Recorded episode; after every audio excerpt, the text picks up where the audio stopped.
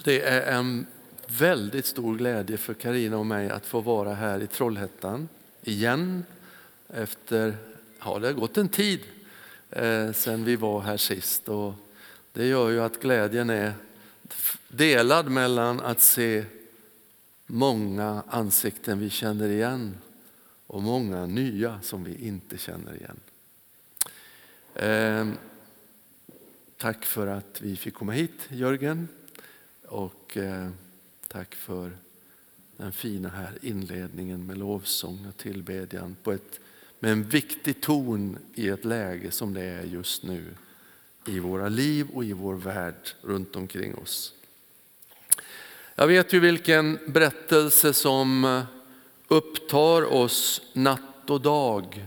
Den pågående eh, berättelsen om krig och oro i vår värld alldeles in på knutarna måste man ju säga. Ehm, jag ska försöka att i den här predikan berätta oss in i en annan berättelse. Där vi ändå kan ha den nu aktuella situationen i bakgrunden, eh, i bakhuvudet. Den eh, berättelse jag tänkte vi ska leva i den här predikan det är eh, Paulus och hans två vänners dramatiska resa över Medelhavet när stormen plötsligt tar hela ekipaget på tre Jesus troende varav en är fånge och ut, utöver det 273 andra besättningsmän och passagerare. Hela havet stormar och vi sitter i samma båt.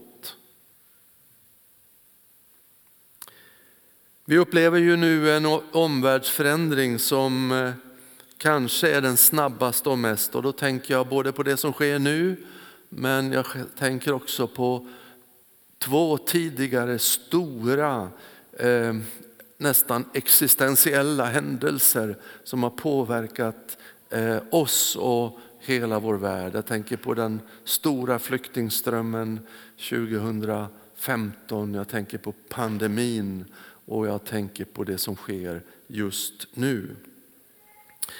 Och då på nytt måste vi ställa oss en fråga, vad är det att vara kyrka i en sån tid av stora globala existentiella förändringar?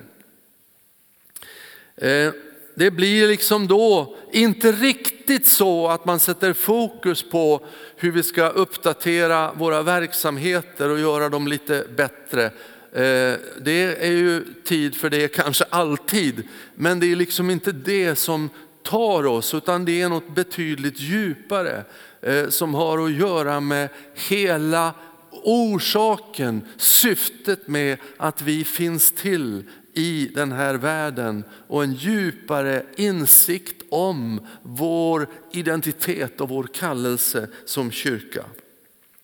Tror inte heller att det bara att det enbart är en kallelse till att ropa varningens ord och vara alarmistisk. Eh, där det kanske är lite sent höll jag på att säga för det. Kanske borde vi ha kunnat tala de sakerna tidigare och se att vi behöver vara beredda på att allting kan skaka. Ingenting av det vi har omkring oss är självklart och för givet. Men eh, nu stormar hela havet och vi sitter i samma båt. Vad gör vi nu? Och jag läser texten ifrån Apostlagärningarna 27.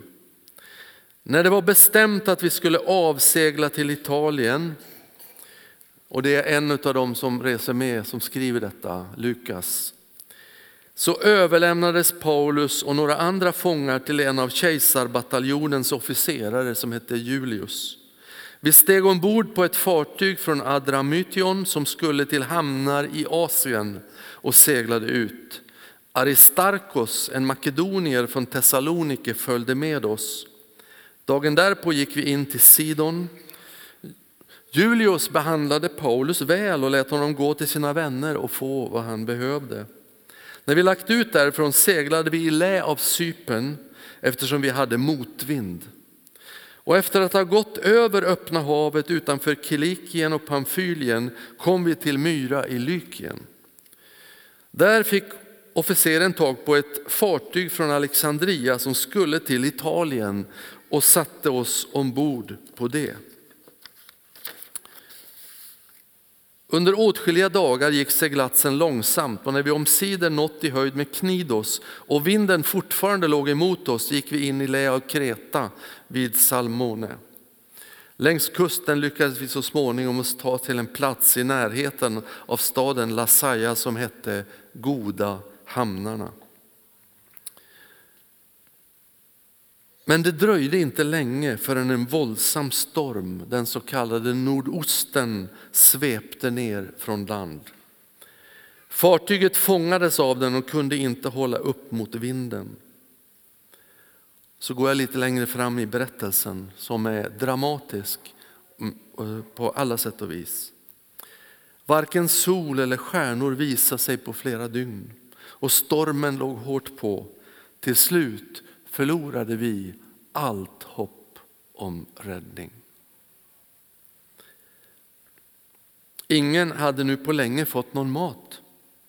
Paulus steg då fram bland dem och sa ni skulle ha lytt mitt råd och inte gett er ut från Kreta så hade ni besparat er dessa strapatser och förluster. Men nu uppmanar jag er att vara vid gott mod.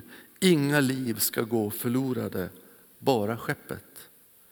I natt kom nämligen en ängel till mig från Gud. Från den Gud som jag tillhör och som jag tjänar. Och han sa, var inte rädd Paulus, du ska stå inför kejsaren och alla som är med dig ombord har Gud skänkt dig. Var därför vid gott mod. Jag litar på Gud, det blir som han har sagt mig. Och den fortsatta resan kan du läsa om själv, hur räddningen går till eh, mirakulöst och de hamnar på en känd medelhavsö och så småningom i Rom.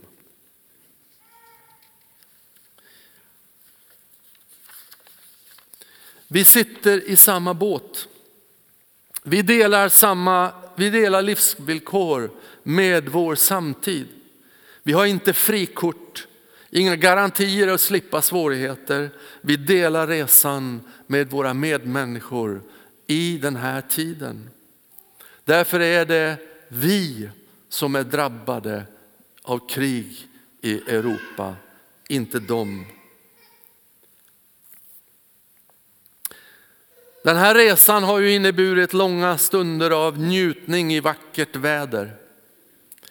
För Paulus i just den här resan så var det korta bitar av fin och rätt vind och vackert väder. Vi har varit med om tider av motvind där det går segt och långsamt framåt och vi kämpar på. Och så kommer det tider av storm och kaos.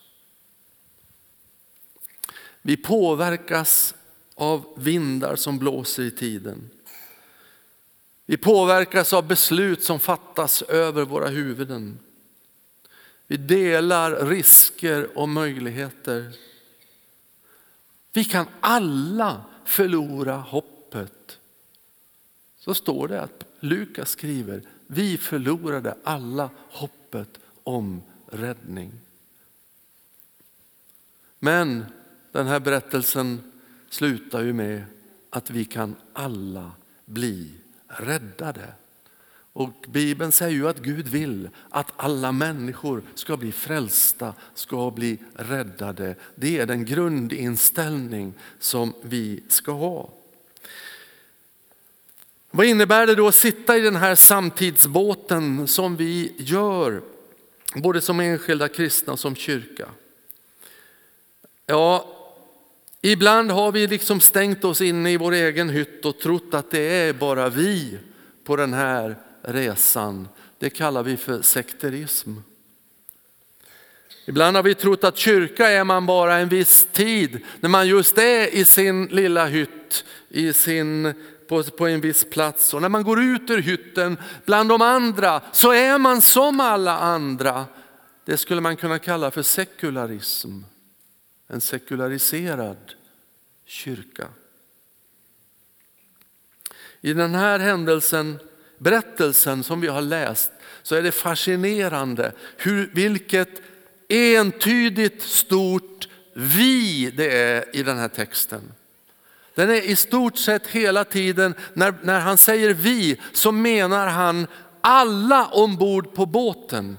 Inte ett vi och ett dom.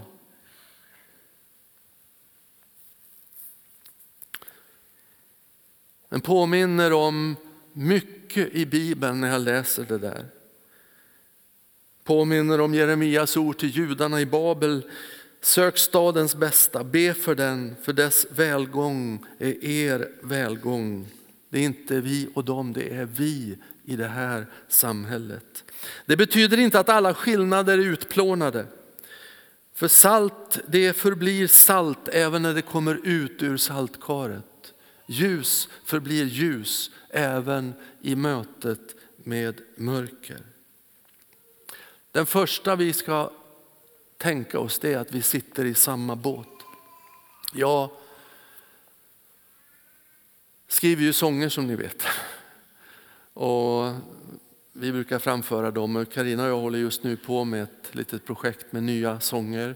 Tillsammans med PMU så kommer vi att resa lite grann runt och sjunga och samtala om det stora viet i den här världen, de stora frågorna, trasigheten, nöden och behovet utav ett samlande vi i Guds namn. Jag tror jag ska låna gitarren och sjunga en sång som kom till faktiskt innan de här tre farsoterna höll jag på att säga, de här kriserna gick över världen när folk drevs på flykt ifrån kriget i Mellanöstern. När sedan pandemin kom och så det vi upplever nu.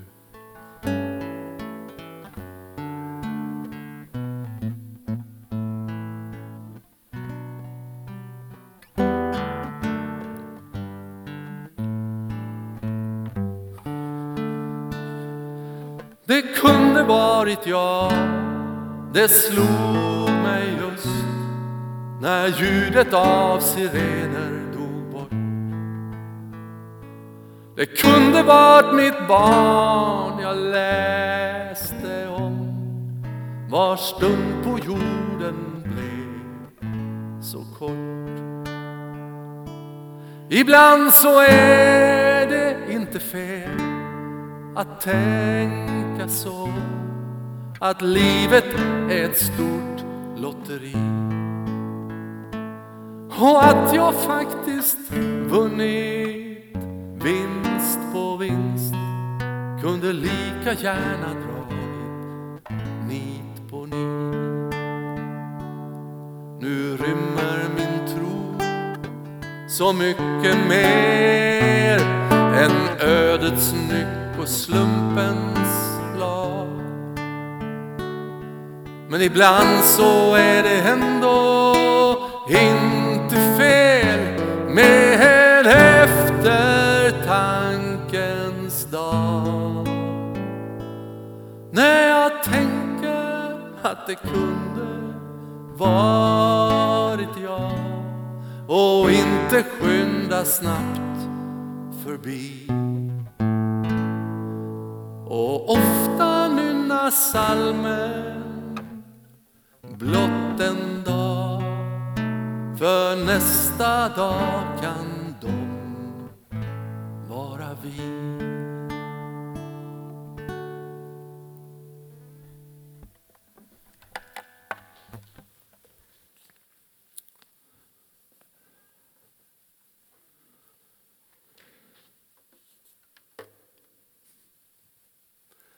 Vi sitter i samma båt. Nästa sak vi ska ta in är att det är ett syfte med att vi sitter i samma båt. Det finns flera syften men jag samlar nästan ihop det. Det är liksom Så uppenbart att Paulus som egentligen som fånge är längst ner i hierarkin på hela båten från början slutar i avslutningen i stormens värsta läge till att kliva fram och bli den informelle befälhavaren som leder till båten till räddning. Det finns ett syfte med att vi sitter i samma båt. Det syftet ser man inte om man sitter i hytten för sig själv hela tiden. Och kan man inte heller uppfylla om man stannar i hytten.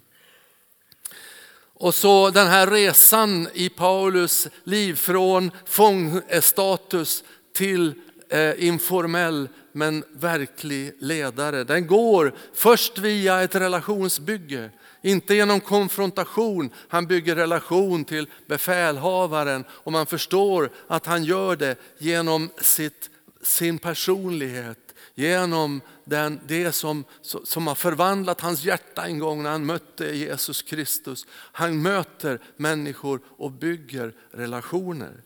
Men det är inte bara frågan om att få kompisar ombord, för det är allvarligare läge än så framöver. Han behöver också vara en profetisk röst i, sin, i, den, i det sammanhang där han finns. Och så är det när vi sitter i samma båt.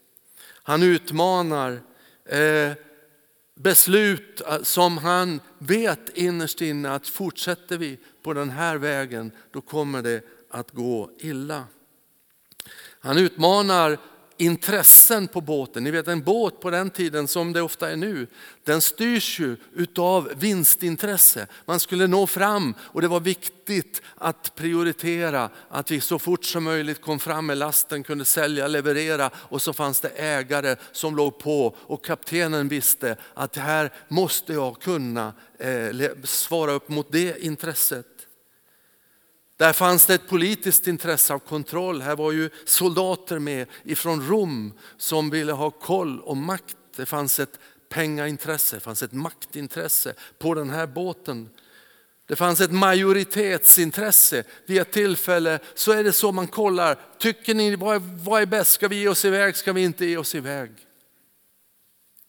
Och så kommer det en annorlunda röst, en fånge som säger varnar och säger det här går inte bra. Och Det har jag tänkt på ganska många gånger. Om vi bara är snällkyrkan eller om vi är den profetiska kyrkan som vågar det obekväma säga fortsätter vi på den vägen. Men ska vara lite konkret så jag, jag sluter hundraprocentigt upp i bön för våra ledare i den här situationen. Magdalena Andersson och övriga. Men när jag hör dem säga än en gång att kommer det flyktingströmmar ifrån det här kriget, då är det inte vårt ansvar den här gången. För vi har ju tagit ansvar så många gånger förut. Så tänker jag. Det är någonting i den här hållningen som jag tror är förödande. Nu har de, tror jag, håller det på att förändras för jag tror det finns en, en, en men det är någonting i att säga det här är inte vi och vårt ansvar som jag tror är en riktning som inte håller. Barmhärtigheten kan stå frimodig när stormen kommer, när domen faller. Då kan barmhärtigheten vara frimodig. Eh, Det finns ett större intresse på den här båten och det är Guds rikes intresset. Och det är att alla människor ska bli räddade. Det står över pengaintresse, politiskt intresse och makt. Det står över majoritetsintresset. Det står över allt i Guds rike som vill att alla ska bli räddade. Och det är det som vi representerar. Människovärdet, människosynen och att människor ska räddas. Och det är det han driver och mer och mer blir rösten för frälsningen och räddningen av människor. Hörrni, och så sen att visa på hopp hoppet när hopplösheten har slagit till med full kraft. Jag tror som sagt var att kyrka och församling har en mycket större roll i vår samtid än vad vi riktigt, riktigt har förstått. Och ni säger, men vi är så få, det är, vi betyder ju ingenting i allsam. Ja, tänk om de skulle sagt så, de där tre Jesus troende på båten, men vi är så få, det betyder ingenting. Men vi är inte få, eller vi är åtminstone inte svaga, ja vi är svaga i oss själva, men med vår Herre så är vi starka. Vi har den kraftigaste resursen i hela tillvaron. Jag älskar att höra om bönemänniskorna där borta i Ukraina. Som, där bönen blir det främsta vapnet. Det är liksom förtruppen i kampen emot den här. Det är de bedjande människorna i alla slags kyrkor. Vi behöver för det tredje, och det är min sista punkt, den är lite lång men den är å andra sidan den sista. Vi behöver lära oss att bemästra vindarna. På alla sjöresor så spelar vindarna en stor roll. Det är för övrigt en otroligt intressant berättelse. Den är så detaljerad. Man får reda på vilken riktning det är på vindarna. Man får veta hur de är hissade för segel och, och skeppsbåten. Och man får veta allt möjligt detaljerat så man fattar det här har ju hänt på riktigt. Här är ingen saga. Här är en väldokumenterad historisk händelse som vi läser om i den här texten. På sjöresor så spelar vindarna en stor roll. Det är tydligt och detaljerat beskrivet eh, i den här, med, med, i den här eh, berättelsen att den första vinden man möter det är västanvinden, alltså det är den som kommer precis fel håll när man skulle ta sig österut på Medelhavet. Man seglar i motvind.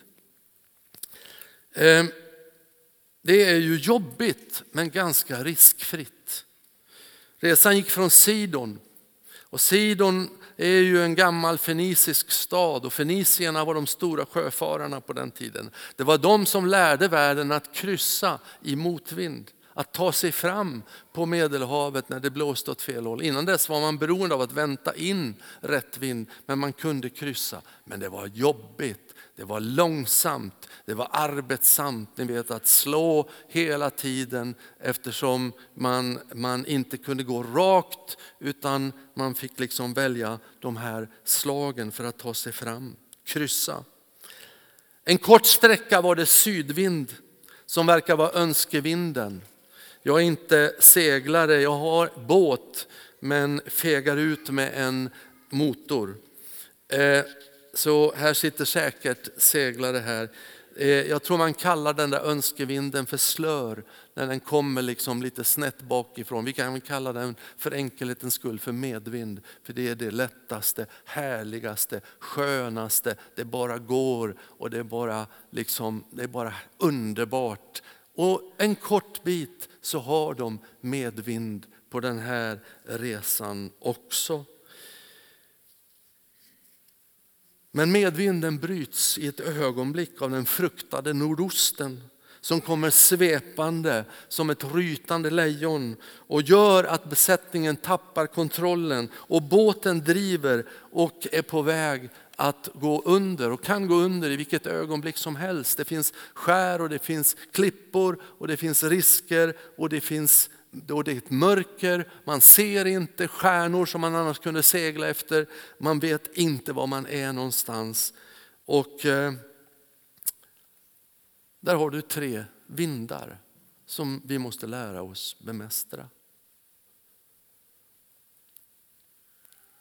Eftersom vi, är på, vi också har en informell ledarroll i, en, i vårt samhälle och i vår värld. Det första är ju då att börja med motvinden. Låt oss backa tillbaka och se vad som föregått i Paulus liv. Som gjort honom till den ledare som han är. Trots att han alltså saknar formell makt så finns en inre auktoritet i hans liv som bara växer fram och som inte går att dölja. När han seglar fram i den grekiska övärlden så har han ju under ett tjugotal år eh, där i den här miljön vuxit fram till den ledargestalt som han är. Jag tror faktiskt att han kände sig bäst hemma under den första delen av seglatsen när det var motvind. Han kanske tänkte så här, det här är mitt liv. Jag har alltid jobbat i motvind.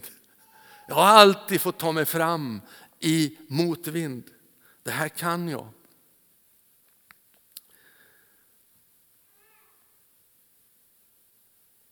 Av judarna har jag fått fem gånger 40 minus ett slag, säger han.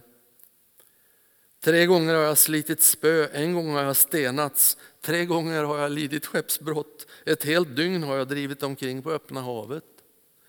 Ofta har jag varit ute på resor, utsatts för faror i floder, faror från rövare, faror bland landsmän och bland hedningar, faror i städer och i öknar och på havet, faror bland falska bröder.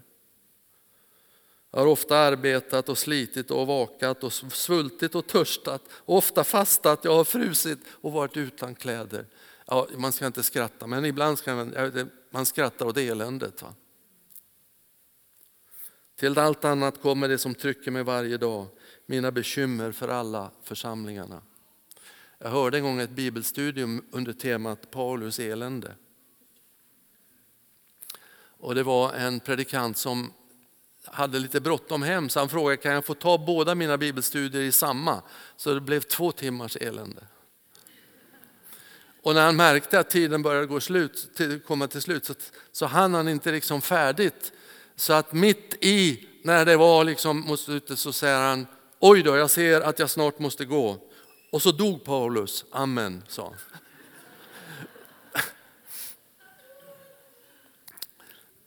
Men aldrig glömmer jag att det, det, det bibelstudiet utifrån att vi så ofta glömmer detta. Att detta var på något sätt nästan det normalläget med att segla i motvind. Eh, och det är nog så att vi idag behöver påminna oss om att vi har inte några garantier för att vi ska få leva ett enkelt liv, att det ska flyta på. Det vet ju många av oss. Vi har redan mött de här en hel del motgångar. Men i det stora hela, i det stora hela så har vi samtidigt haft väldigt, väldigt, väldigt många goda år. I vår del av världen och i vårt land. Och kanske också har det funnits ibland en förkunnelse och en förhållningssätt att med Gud så ska man slippa stormen, man ska ha slören och medvinden hela tiden. Det är inte evangeliets förkunnelse. Paulus visste att det här är nästan normalläget, att segla i motvind. Och man kan komma framåt. Jag ska visa en liten bild hur man seglar.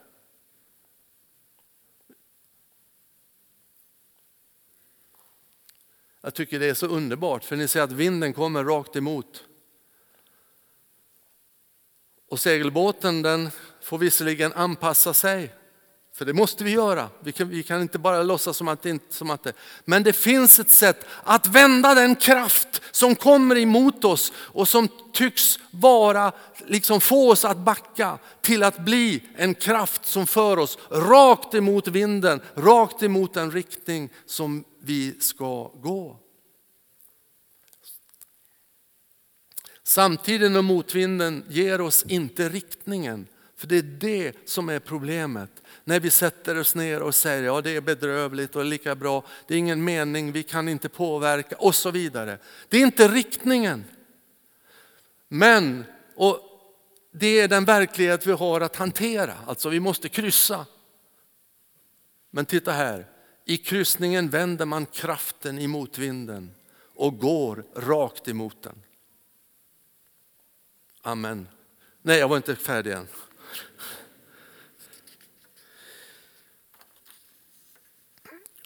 Vi bör veta riktningen. Vi bör vara profetiskt medvetna om var vi är på väg någonstans. Och gå den vägen, fullfölja vårt uppdrag. Arbeta för människors räddning, upprättelse, helande, för hela människans helande. Också för vårt samhälles helande. Var en kraft till hälsa för ett sjukt samhälle. För sjuka värderingar som behöver brytas. Förutsättningen för det är inte att vi är en, en, vad ska vi säga, en högmodig eh, liksom, eh, kyrka som tror sig veta allt. Tvärtom säger han att när jag är svag, han talar ju om hur han genom insikten om att han också är svag och beroende, så är han stark. Ehm, den hårda vägen, alltid är ansatt men inte kringränd, rådvill men inte rådlös, förföljd men inte övergiven, slagen till marken men inte förlorad. Och så kommer det där i det elfte kapitlet i andra Korinthierbrevet. Min nåd är allt du behöver. I svagheten blir kraften störst.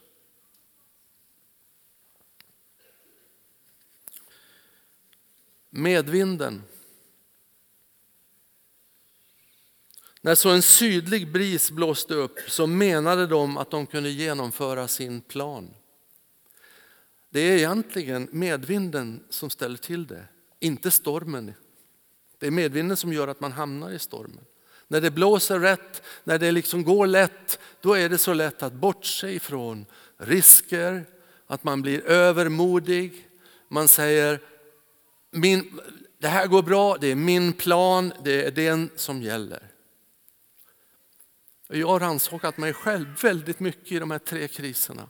För ingen av dem kunde jag förutsäga. Ingen av dem var av sådan karaktär att min strategi som församlingsbyggare och församlingsledare räckte till. Vi var inte beredda. Vi seglade på. Det var en djup, det är en djup rannsakan över det.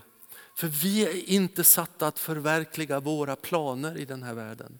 Vi är satta att förverkliga Guds plan i den här världen. Och där kan framgången vara farligare än motgången. Medvinden kan vara farligare än motvinden.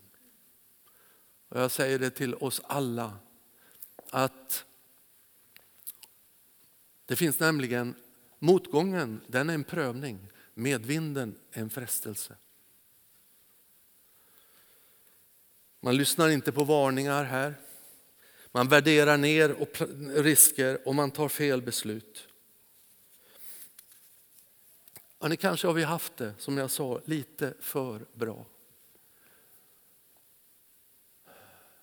Jag har saknat i mitt eget liv det som jag hör ifrån kristenheten i Ukraina idag. Jag hörde igår att veckan innan invasionen så var det kanske hundratusentals kristna i Ukraina som fastade och bad i tre dagar.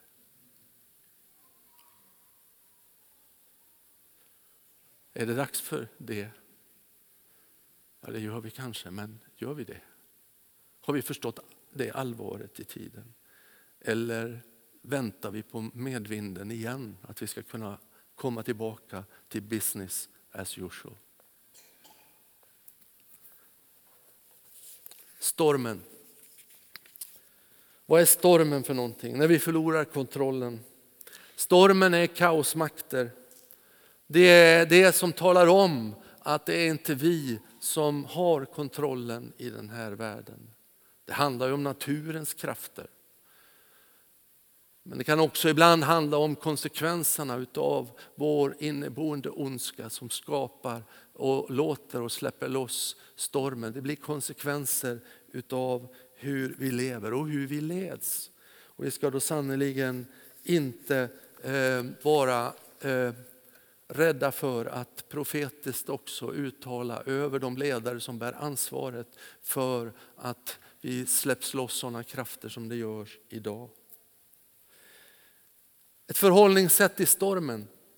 Vi ska inte söka stormen. Paulus jobbar för att de skulle slippa och undvika stormen. Vi ska inte hylla det på det sättet, att krisen och stormen och vad det nu är genom att vi ska göra det om det till någon slags välsignelse i sig själv som vi söker.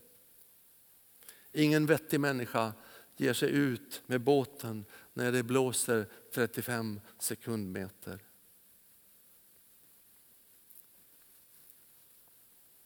Men stormen kan komma över oss även om vi inte sökt den. Stormen lär oss då plötsligt vad som är verkligen viktigt. De slänger över bord lasten, allting som de trodde var själva meningen med seglatsen. Men nu blir plötsligt det viktigaste livet, människorna, överlevnaden. Ibland behöver vi gå igenom saker som får oss att förstå vad som är verkligen viktigt. För vi prioriterar ju ofta saker och ting på, på ett felaktigt sätt.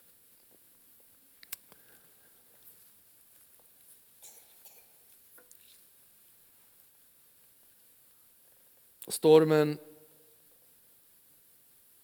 är den tid när vi lär oss att det enda som håller är att lita på Gud. Stormen är det som hjälper oss att förstå att till syvende och sist så är det Guds löften som gäller för våra liv och för vår evighet. Stormen ställer oss på en fast klippa i grund. Eh, lär, eh, det är inte stormen som gör det, men den lär oss att vi måste hitta ett fundament i våra liv. Och det är det som Paulus säger, jag litar på vad Gud har sagt. I natt kom en ängel från himmelen. Mitt i stormen så kommer det ett tilltal ifrån Gud. Och det är det som är det man kan lita på. Vi behöver lära oss att lita på Gud i dessa tider. En liten skara Jesus troende, ja, tre stycken, fick en ledande roll att rädda ett helt litet samhälle på 276 personer som var på väg att gå under. Vi sitter i samma båt, men vi kan få vara med och uppleva och se det som här skedde. Om vi segrar i medvindens frestelse, om vi håller ut i motvindens prövning så kan vi få rädda världen när stormen kommer. Amen.